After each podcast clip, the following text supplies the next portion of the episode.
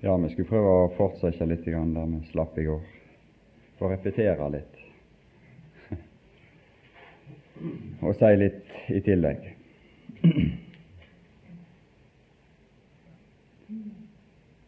Ja, det ble lest dette ordet her. Derfor, da vi får et rike som ikke kan rystes, og la oss være takknemlige og derved tjene Gud til Hans velbehag. Det, det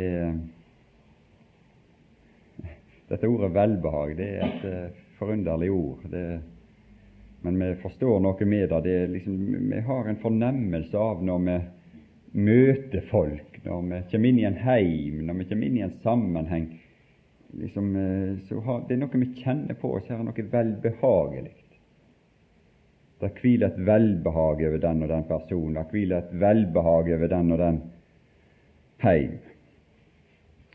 Og uh, vi kan jo f.eks. bare sette oss ned og lese gjennom evangeliene og, og bare se Jesus når han for fram gjennom denne verden. Bare liksom betrakte han, der han går i alle sammenhenger, og i alle forbindelser, der menneskene har gitt opp håpløse tilfeller der det som er totalt umulig for alle menneskelige hjelpeapparat å gripe inn liksom en, en, en villmann som var besatt av alskens onde ånder ute i eh, og, og, og, og skal, slo seg sjøl, og ingen lenke, ingen bånd, ingenting som menneskene la nedover han kunne, kunne liksom eh, stanse denne herre villmannen.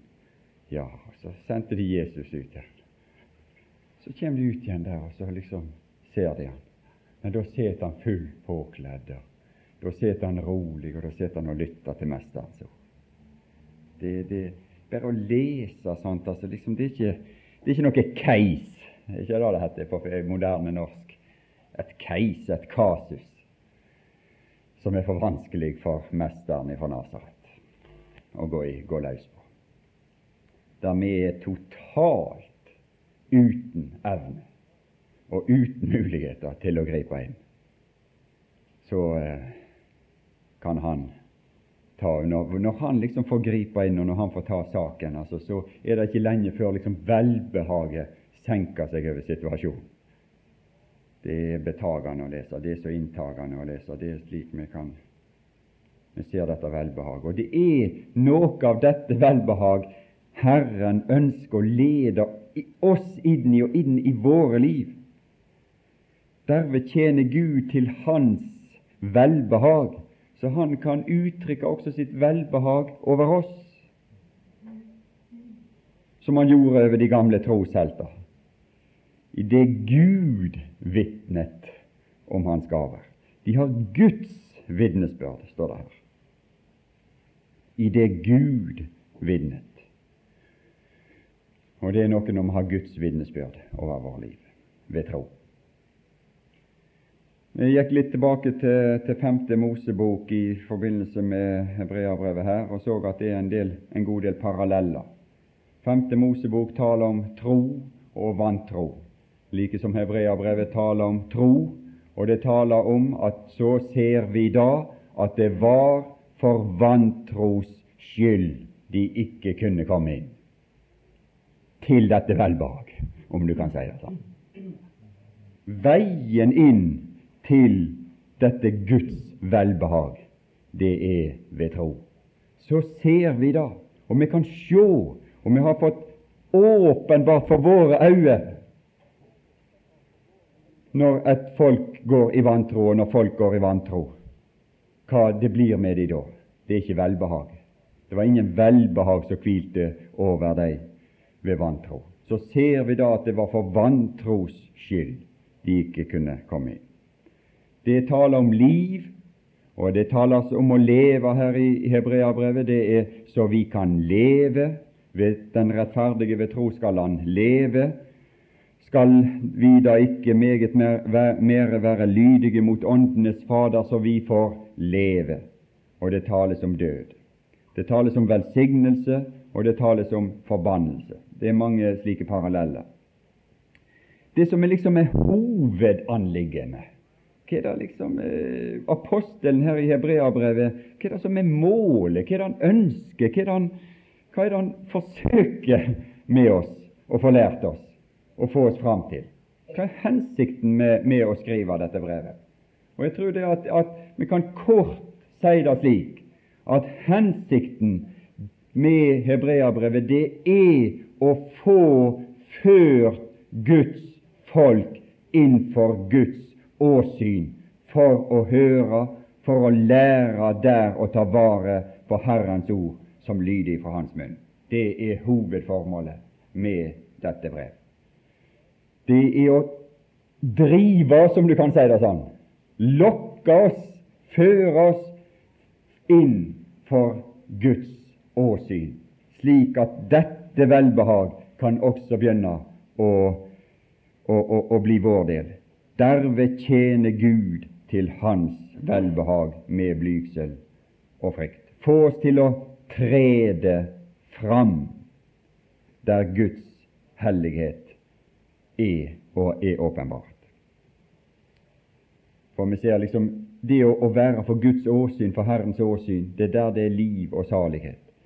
Og vi vet helt fra begynnelsen Kain. Det, som ble Kains ulykke, det var at han trekte seg unna dette åsyn, og han bosatte seg, står der, borte fra Herrens åsyn. Og så ser vi hva han ble opphav til, og hva det leder fram til. Han, da begynte med at han begynte å stirre ned. Han mistet korrespondansen med Herrens åsyn. Hvorfor stirrer du ned for deg? Og så kom det ondt i hans sinne. Og så skjedde det ting i han som ødela denne mann, og som gjorde at han flytta bort ifra Herrens åsyn. Men det som er målet her, det er å få oss til å trede fram og ikke se ned, men å løfte våre hoder opp og inn i det åsyn som er korresponderer, som har forbindelse med det åsyn. Som det kan fylle oss med det som er godt Så det blir godt i sinnet, og det, så det kan bli noen gode gjerninger som kommer ut av det, som det står om i kapittel 13 og vers 21. Han gjøre dere fullt dyktige i all god gjerning. God gjerning. Men det er noe skremmende, kan du si, med dette her å tre deg fram for Gud. Og det er noe som vil skremme oss når vi kommer inn i Guds nærhet, og vi begynner å høre det Guds ord som utgår ifra Hans trone. Moses, det står om han i 2. Mosebok 19 at han førte folket ut av leiren. De må ut av leiren, for Gud åpenbarer seg, og det står der også i Hebreabrevet 13 her, fortsatt den dag i dag utenfor leiren. Og Det står om Moses at han førte folket ut av leiren til et møte med Gud. Og som jeg sa, Hebreabrevets oppdrag det er å føre oss ut av leiren og fram til nådens trone, der vi møter Guds ord. Og, og, og, og for noen ord er det som utgår derifra. Guds ord det levende ord, det kraftige ord, det skarpe ord. Det, det, det, det, kan ikke sammenlignes med noe her, for det er skarpere enn noe tveegget sverd, som det står her. Og disse ord har en egen evne, de trenger inn, står det her. Det er ingenting, det, er ingenting som, som, som, er ugjentrengelig, eh, som, som, kan stenge for dette når vi kommer inn og, og, og, og stiller oss fram for disse ord. De trenger igjennom inntil det kløver sjel og ånd, og ledemod og marg og dømmer, kritiserer, om du vil. Altså Ordet på gresk der er jo nok et som er beslekta med å kritisere. Det kritiserer hjertets tanker og råd, og ingen skapning usynlig for hans åsyn. Det er der vi må være, det er der vi må oppholde oss. Det er der dette ordet, ordet taler til oss på en slik måte.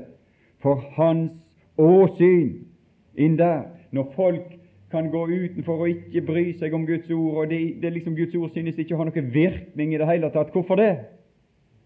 Det er fordi de er ikke for hans åsyn. De er ikke trådt fram for hans åsyn.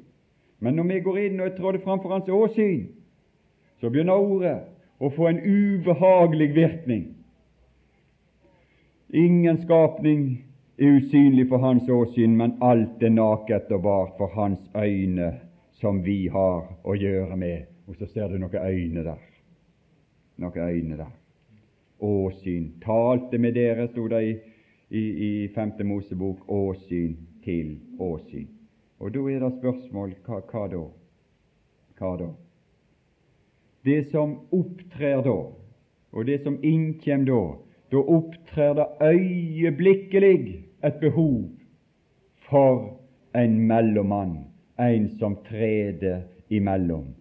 Og ikke bare det at det opptrår dette behovet, dette behovet blir umiddelbart imøtekommet. Det ser vi i annen Mosebok, som, eh, som, i 19 der, og det blir referert til, eh, til i femte Mosebok. Umiddelbart så treder det inn en mellommann. I 5. Mosebok 5 og i vers 4 Åsyn til åsyn talte Herren med dere på fjellet mitt ut av vilden. Og i neste vers og det, Dette her er liksom, om du kan si det at, at 5. Mosebok 5 og vers 4 det kan på mange måter svare kanskje til Hebreabrevet 4 og vers 12 og 13 der. Og så ser vi i vers 5 Jeg sto den gang mellom Herren og dere for å kunngjøre dere Herrens ord. For dere var redde for ilden og gikk ikke opp på fjellet. Og han sa, Jeg er Herren din Gud, som førte deg ut av Egyptens land, av trelehuset. Han er frelseren. Det første han presenterer seg som, det, det at det er han som frelste. Han er frelseren. Og umiddelbart her i, i Hebreabrevet 4 og i vers 14 så inntrår en mellommann, så inntrår vår mellommann. Og de, denne mellommann som inntrår her, det er en som er tatt ut ifra oss, like som Moses hadde steget fram ut ifra deg og inn til å møte Gud, som han sier litt lenger ut i 5. Mosebok 5 her. I vers 23.: Men det, da dere hørte røsten midt ut av mørket, mens fjellet sto i brennende lue, da kom dere til meg, alle overhodene for deres stammer og deres eldste, og dere sa, Se, Herren vår Gud har latt oss skue sin herlighet og sin storhet. Og det er herlighet og storhet på denne trone som Hebreabrevet taler om. For det står om Han som har trådt ifra oss og inn der og satt seg på den trone. Han er kront med herlighet og ære. Det er omgitt en atmosfære av herlighet og ære der for å skue sin herlighet. Og Jesus, han ser vi. Vi ser hans herlighet.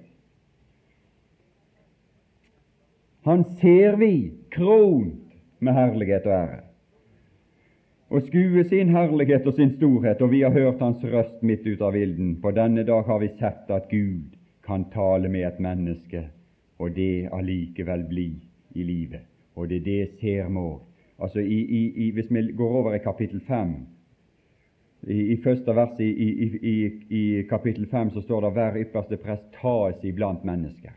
Og, det, og, så, og, så, utlegges dette her for oss i kapitlene videre. Altså Det er en som er tatt av mennesker, som er trådt fram av menneskeheten, om du kan si det slik, og inn der, inn i denne herlighet, inn til dette ord, inn til denne majestet, inn der. Og vi har sett at Han blir i livet. Vi har ikke bare sett det, vi har hørt Guds egen røst og Guds eget vitnesbyrd og Guds egen ed. Han svor du lever til evig tid svor den evige Gud over denne som trådte fram ifra oss og inn der i Hans herlighet. Du lever til evig tid. Det er syner. Og det er syner som har virkning på vår sjel. Derfor er det viktig, derfor er det maktpåliggende for ordet her at vi skal inn og se på dette syn. Vi har sett, det var det de så her òg, Vi har sett i dag at Gud kan tale med et menneske, og det allikevel blir i livet. Og så så vi at denne røst og denne, denne tale kunne gå videre ifra dette mennesket til deg, og deg kunne bli i livet der, i Guds nærhet. Hvorfor skal vi da dø? For denne store ild vil fortære oss dersom vi nu, dersom vi enda lenger skal høre Herrens vår Guds røst, må vi dø. For hvem er det på hele jorden som har hørt den levende Guds røst tale midt ut av ilden som vi, og allikevel blitt i livet? Det setter opp i undring. Går du nær til å høre alt det Herren vår Gud sier, så kan du tale til oss alt det Herren vår Gud taler til deg, og vi vil høre på det og gjøre etter det.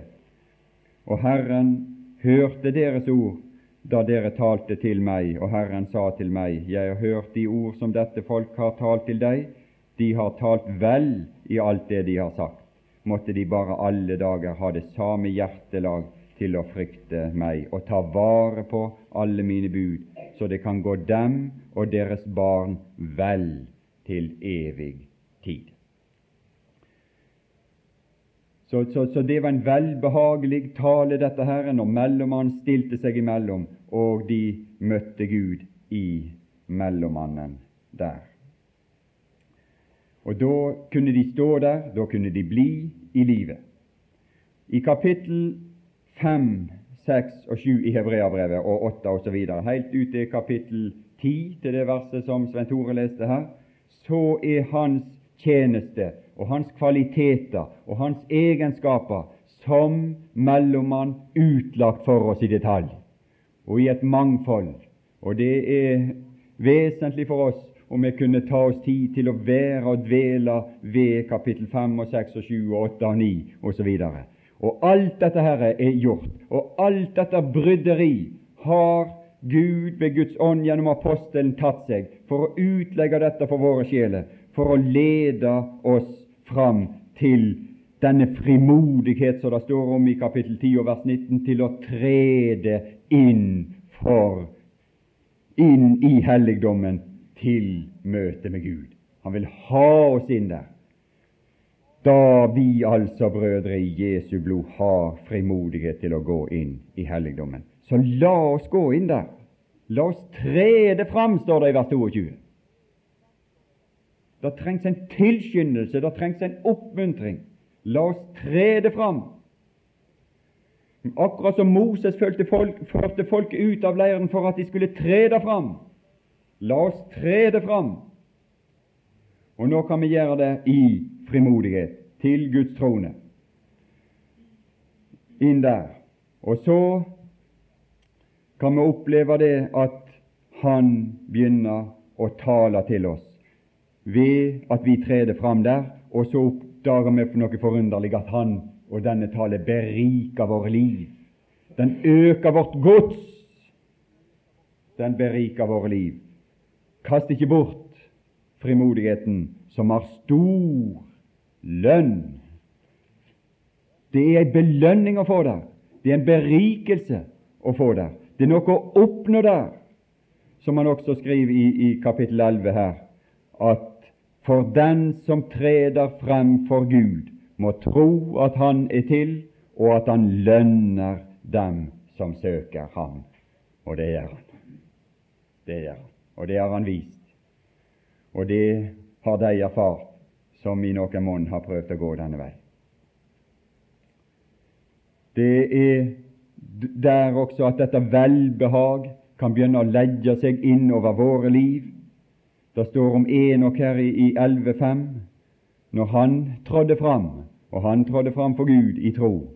Og så står det her om han da i slutten på vers 5 i 11.5 i Hebreabrevet at for før han ble bortrykken, fikk han det vitnesbyrd at han tektes Gud. At han tektes Gud. Ja, det kom et velbehag over denne mannens liv, det kan du være sikker på. Et Guds velbehag som fulgte denne mannens liv, der han gikk i en ugudelig verden og blant ugudelige folk. Det er bedre ugudelighet vi leser om den tidsalderen som han levde i. Men i denne tidsalder av ugudelighet, så trår den mann fram i, går den mann fram gjennom verden med Guds velbehag over sitt liv. Men uten tro er det umulig å tekkes Gud. Men ved tro, når vi treder fram der, kan noe av dette komme over våre liv. Han taler der til oss ved mellommannen, som det står om når vi kommer ut i kapittel 12, så, så står det tale om å bli værende der innenfor nådens trone og la Han tale til oss. Det står om i, 10, i kapittel 12 vers 24 om Jesus, mellom mannen. Jeg sto den gang mellom dere. Og, og, og Herren sier Moses, her har du vår mellommann. Jesus, mellommannen for en ny pakt. Og til oversprengningens blod som taler bedre enn Abels, se til at dere ikke avviser Han som taler. Han som taler fra himmelen. Det er en tale fra himmelen. Og han taler på en slik måte til oss at vi kan bli i livet.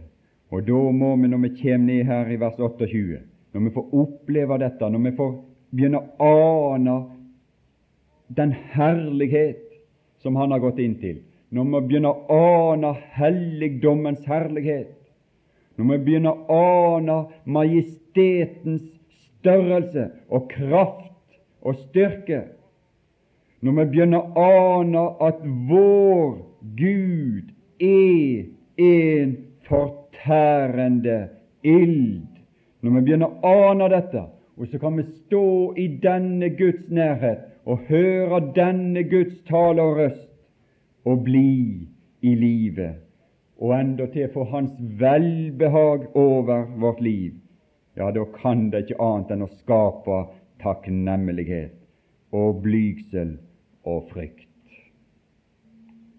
Og et ønske om, om å tjene Han til Hans velbehag. lytter til Hans ord, gjør etter Hans ord, innretter seg etter Hans ord.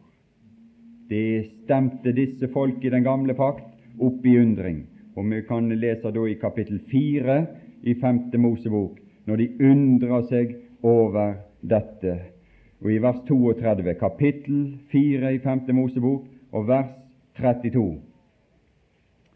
For bare spør om de fremfarne dager som var før din tid, like fra den dag da Gud skapte menneskene på jorden, og spør fra den ene ende av himmelen til den andre. Liksom, Ta med alt i betraktning. Når du skal sammenligne dette, så ta med absolutt alt, både i tid og i utstrekning over den ganske jord, med i betraktning. Still deg opp. Still opp alle ting som menneskene har drevet på med fra tidenes begynnelse og utover den ganske jord. Se om det er noe som har en størrelsesorden som kan sammenlignes med dette. Om det er hendt eller hørt noe som er så stort Her er størrelser som dette. Om noe folk som har hørt Guds røst tale midt ut av ilden, således som du har gjort og er blitt i livet. Liv. Et vitnesbyrd om liv. Han har det vitnesbyrd at han lever. Og fordi at han er en mellommann, og fordi at han er også en ypperste prest som er vår representant, så er det vitnesbyrd at du lever til evig tid. Det er det samme vitnesbyrd Gud har med ed uttalt over alle de som han er mellommann og ypperste prest for. Alle de han representerer. Det er noe å se, det er noe å høre, og det er noe å undre seg over i livet. I livet. En sånn Gud, vår Gud, er en fortærende ild. Og her står jeg og kan gå inn for Hans åsyn og inn til ham og bli i livet og høre endatil Hans ord formidla til meg gjennom min mellommann, den Herre Jesus.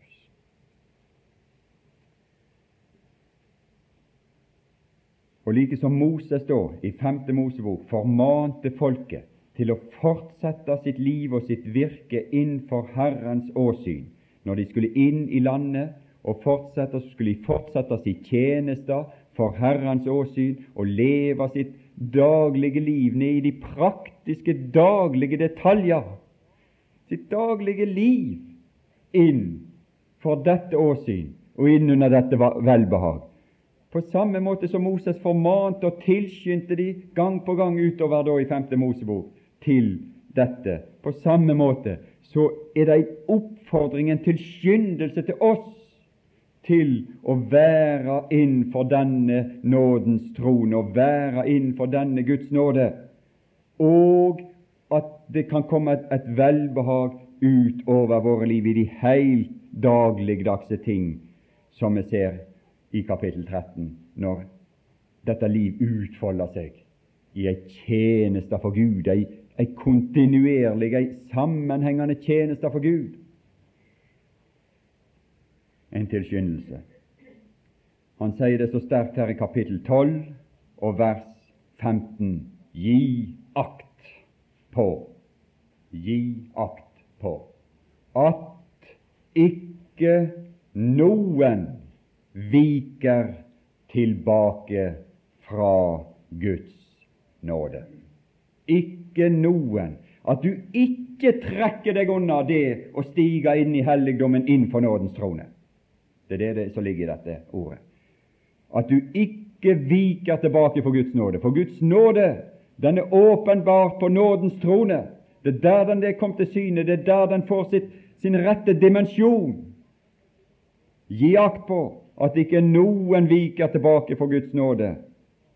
Konsekvensen av det i våre liv, og trekker seg unna den påvirkning, unna denne tale, unna denne forbindelse, unna dette å tale med Han åsyn til åsyn der, det er bitterhet, men, smitte. Det Da skjer det alle disse her dårlige ting som skjer ut iblant oss de som du ikke greier med, de som du har problemer med. Og la det bli ved. La det bli en stadig tilstand i deg. La broderkjærligheten bli ved. Hvordan skal du kunne greie det? Om du ikke innenfor nådens trone og møter Hans åsyn, som har dødd også for disse, som har gitt sitt liv også for disse, som vi skulle omtale med hverandre i det lys. Kunne ha blitt mye så hadde det blitt annerledes iblant oss. Tror ikke det der? Hvis vi hadde omtalt og behandla hverandre i det lys. La broderkjærligheten bli ved. Jo, hvordan kan du behandle en mann som Jesus har gitt sitt liv for, og som Jesus elsker? For han elsket. Han elsker alle sine, han. Og han elsker det ikke bare en liten stund, liksom, sant? men som jeg, jeg, jeg, nevnte i går i Johannes liksom det, det, det, virker som Johannes han, han, han, han ser opp i, Jesu åsyn, og så sier han Nei, du Jesus, du er underlig. For du begynte ikke bare å elske oss. Det var ikke bare det når vi satt der og så liksom ah, det, var, det, var, det var noe litt, sånn litt kjekt i begynnelsen. Da, du vet, det er kjekt med når, når alt er nytt og greit. Da spratt vi opp av båtene våre, og da var begeistringen stor når du kom, og, og, og liksom du sa 'følg meg', og så kom vi, og så var det, var det liksom, var vi ivrige, og så var vi, vi liksom fokuserte på, på, deg og det som du sto for. Men så begynte denne gjengen som han samla rundt seg, de, de, de, skulle ikke bare være der helt i begynnelsen. Han skulle fortsette med dem. Så begynte de å gnisse litt på hverandre. Ja, hvem er det som har rett? Er det jeg eller du som har rett? Hvem er det som er størst iblant oss? Hvem er det som, hvem er det som er, har rett på de øverste setene og de øverste posisjonene, og, og liksom kava seg fram, og, og, og, de satt og, og, skula på hverandre? Disiplene, apostlene, de aller nærmeste, satt og diskuterte om slike ting. Men han like som han hadde elsket dem, elsket han dem inntil enden. La broderkjærligheten bli ved. Og så var han i stand til, denne mannen, i lys av sin forbindelse med himmelen, og i lys av sin posisjon i himmelen, og den posisjon som Faderen hadde gitt han i det himmelske, da han visste at alt var han overgitt, da han visste hva han gikk til, så var han i stand til å reise seg opp og kle seg i, i, i og, og, og, ta av seg sin, sin kledning der og, og, ta opp et håndkle rundt seg og, et, et, et, sånt, og så går rundt og så bøyer seg ned ved enda til sine disiplers føtter og vasker deres føtter og tørker dem. Det var han i stand til. Og dette, sier han, dette gjør han som et mønster. Det er han som er mønster for broderkjærlighet. Det er hans kjærlighet. Det er hans hjerte som er mønster for å elske brødrene. Og det er den Paulus har fått inn òg, når han sier i Filippanserbrevet 1.: Jeg lenges etter dere med Jesu Kristi hjertelag. Han hadde vært så mye sammen med den Herre Jesus, inntatt så mye av Han, at enda til Jesu Kristi hjertelag hadde flytta inn i Han og var blitt hans hjertelag. Jeg lenges etter dere med Jesu Kristi hjertelag. Her er noe, det, det, det er noe å begynne på dette her og bli ved. Men det har ingen sjanse, og vi har ingen muligheter til å kunne utøve noe av dette i vår praktiske ferd om vi viker tilbake fra Guds nåde, om vi viker tilbake for å inngå og møte Han i herlighet der og, ta, og la Han tale til oss årsinn til årsinn. Det må vi gjøre. Vi må inn der. Gi akt på at ikke noen viker tilbake fra Guds nåde.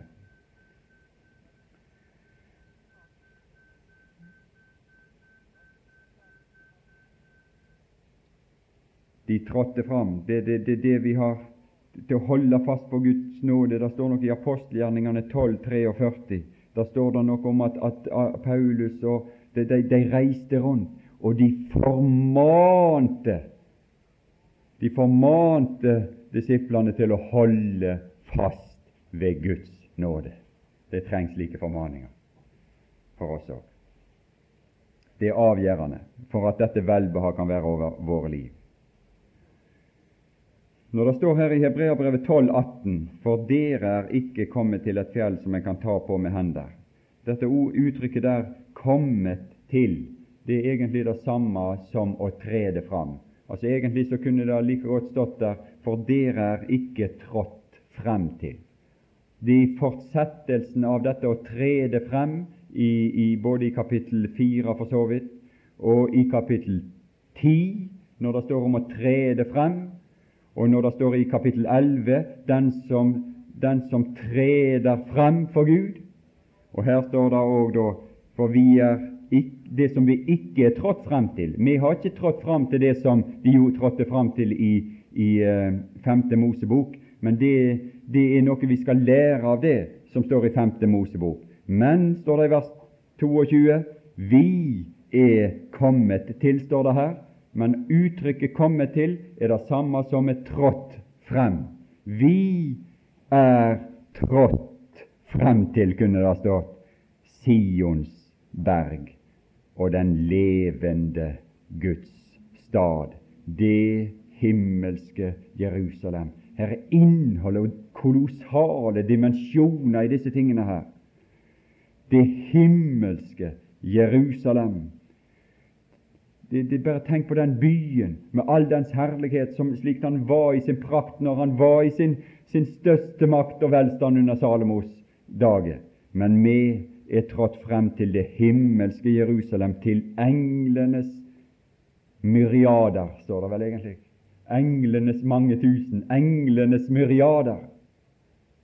Ja, når Jesus gikk inn i hagen der, og så kom de og skulle ta han, så sa han, 'Jeg kunne bedt min far', og han hadde sendt en legion med engler. En legion, en herskare med engler. Hva hadde det blitt med dere da?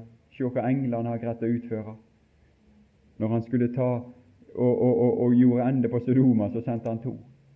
Og Så tok han, tok han Lot og, de nærmeste der ut, og så, så lot han disse to engler ødelegge den byen.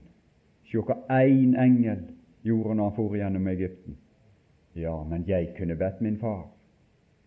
Jeg kunne bedt min far, og han hadde sendt en legion med engler.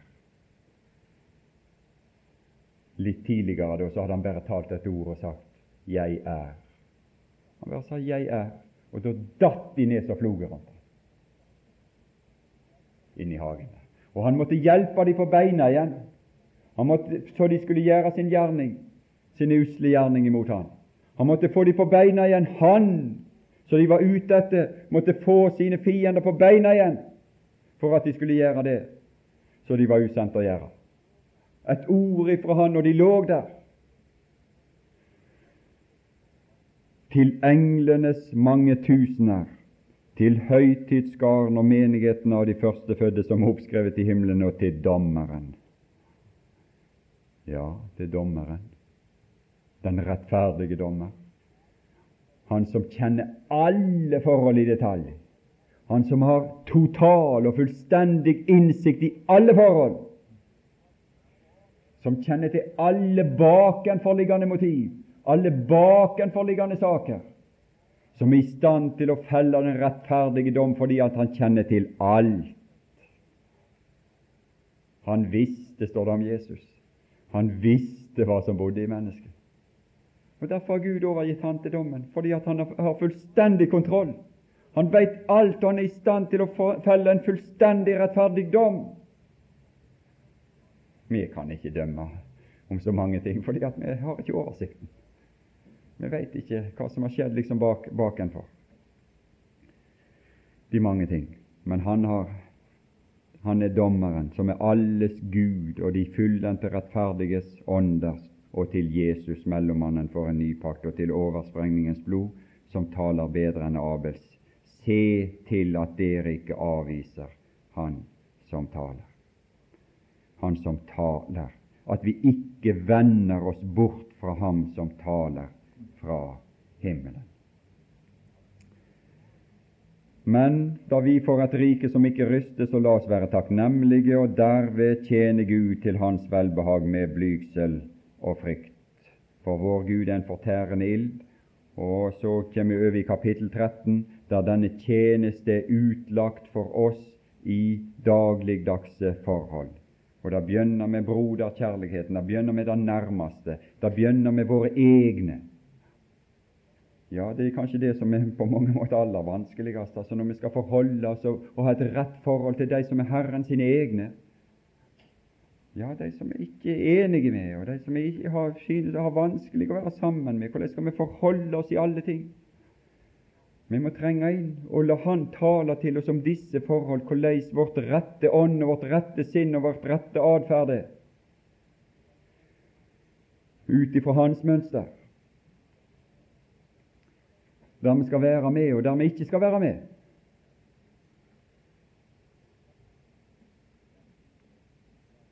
Glem ikke gjestfrihet.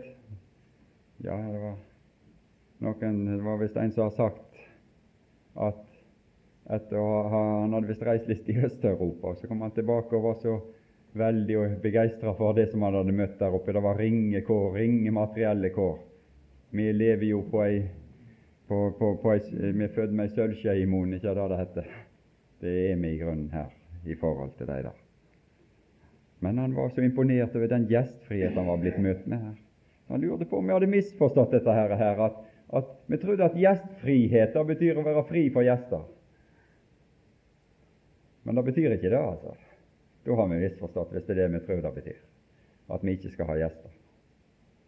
Frihet fra gjester. Glem ikke gjestfrihet.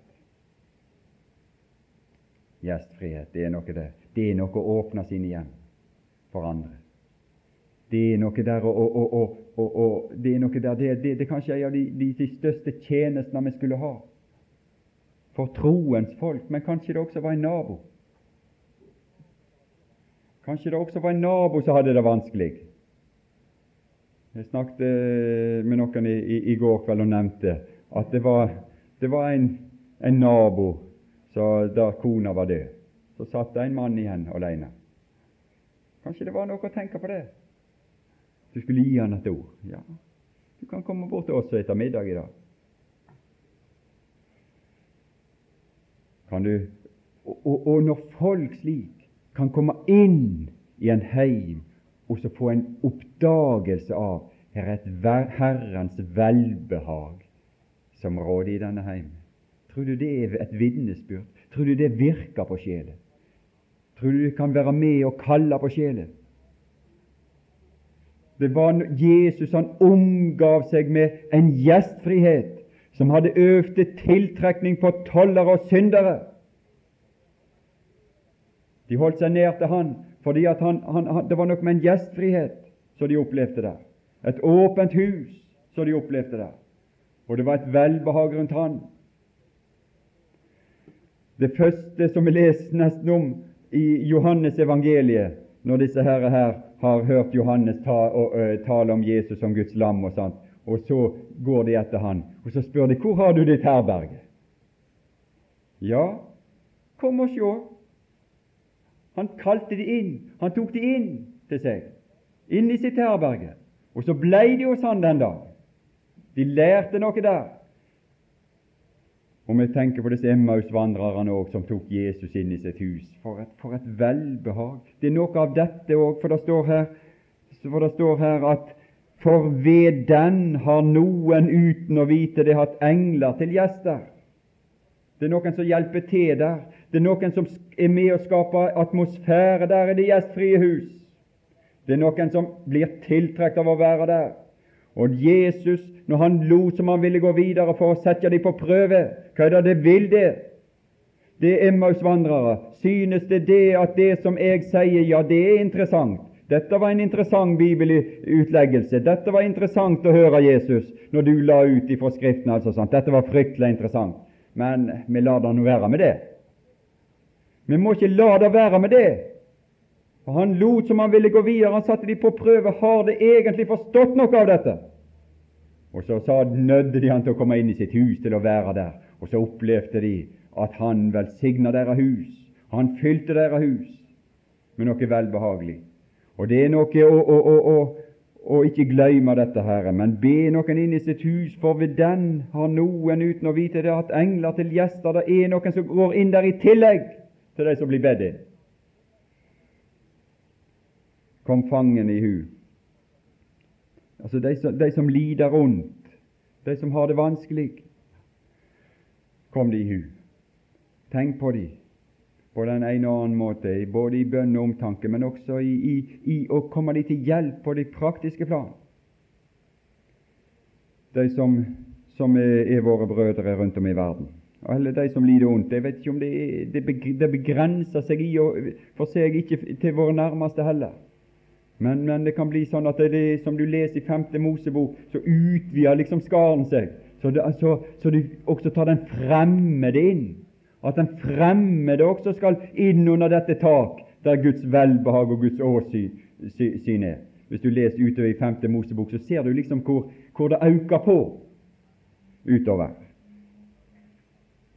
Ekteskapet være i akt og ære oss alle, og ekte sengen usmittet i våre dager, så må dette være ei tjeneste for Gud, så verden kan få se noe som fungerer imellom to. Det er tjenester for Gud. Der Herrens velbehag råder, vil også disse forhold være i balanse og være i harmoni. Og det kan være et vitnesbyrd for verden, og vi tenker på våre dager alt dette her er ødelagt. Og det brytes ned og er ødelagt i sinnet, og det er ulykkelige mennesker i hopetall som følge av, av brudd på alle de slike regler. Det er et vitnesbyrd, ei tjeneste. La noen få se noe som fungerer. Kjenner dette velbehag. Kanskje de kan føle en dragelse. Disse menneskene de må ha noe som ikke vi har. Disse har noe som ikke vi har. Kanskje det kan være noe som vi kunne få tak i.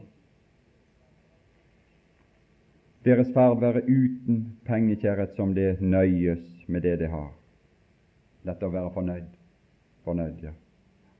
Ja, ja, vi har jo Ja, ja, vi vet nesten ikke det, er jo ikke plass på veggene til flere bilder, og det er ikke plass i klesskapet til flere klær, og det er ikke plass på bordet til mer mat. Det er vel vår situasjon. Men at vi i alle fall ja, vi kunne bruke noe av denne overskudd og denne velstand til også å dele med andre. Og ha noe av dette her, men med at de i alle fall er fornøyde. Og la fornøydheten hvile over liv, våre liv. Det skulle være absolutt minimum med den velstand som vi lever under. Fornøyde.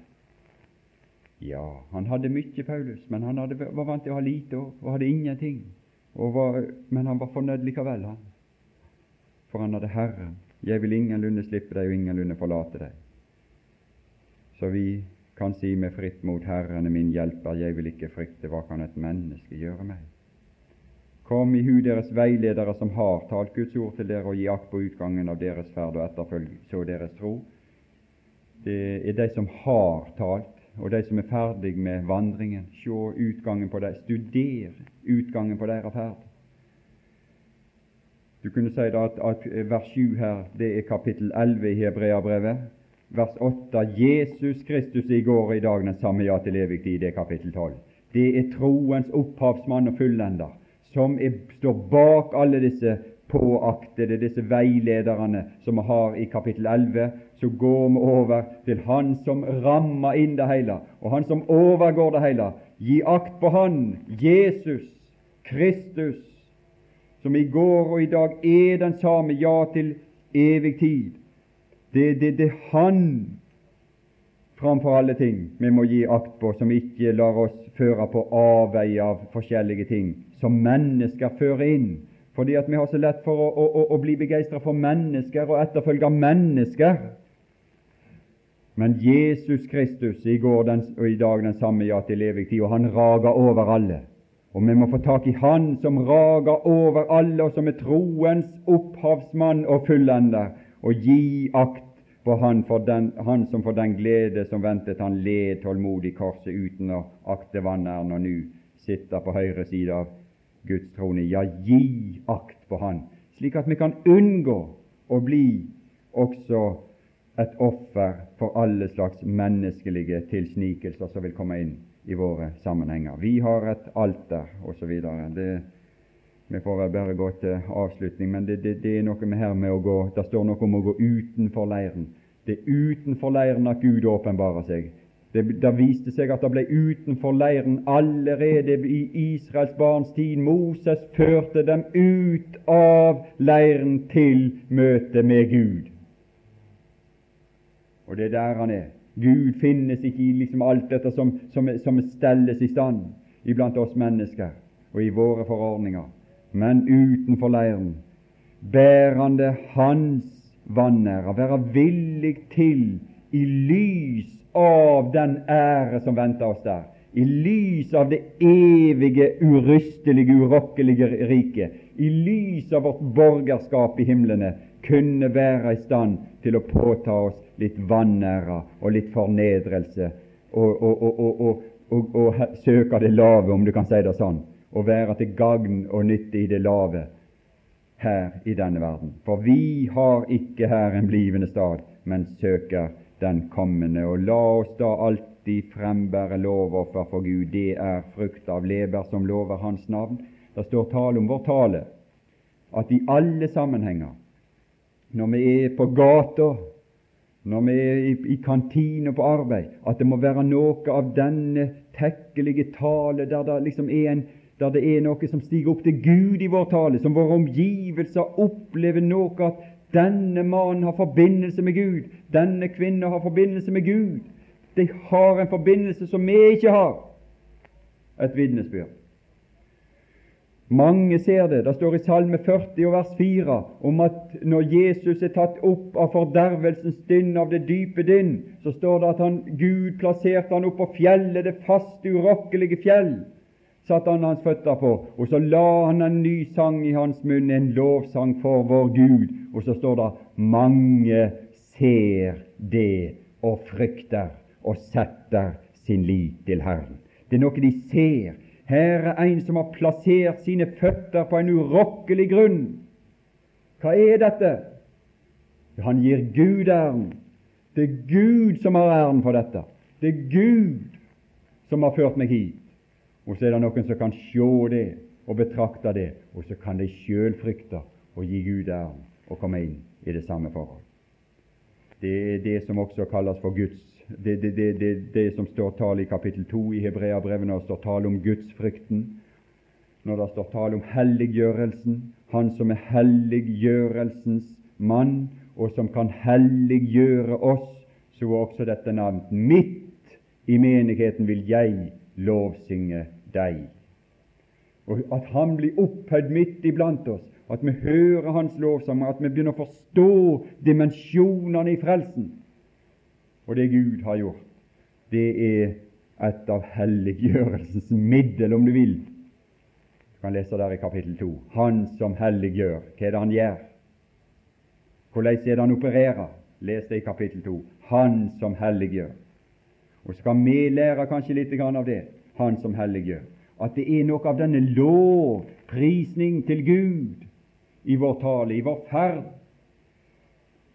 Da vi ferdes fram, så, ser de det er noe som stiger opp til Gud ifra disse. Og Det er det som gjør de glad, og det er det som gjør at de kan bære gjennom alle ting, der vi aldri vil legge rette.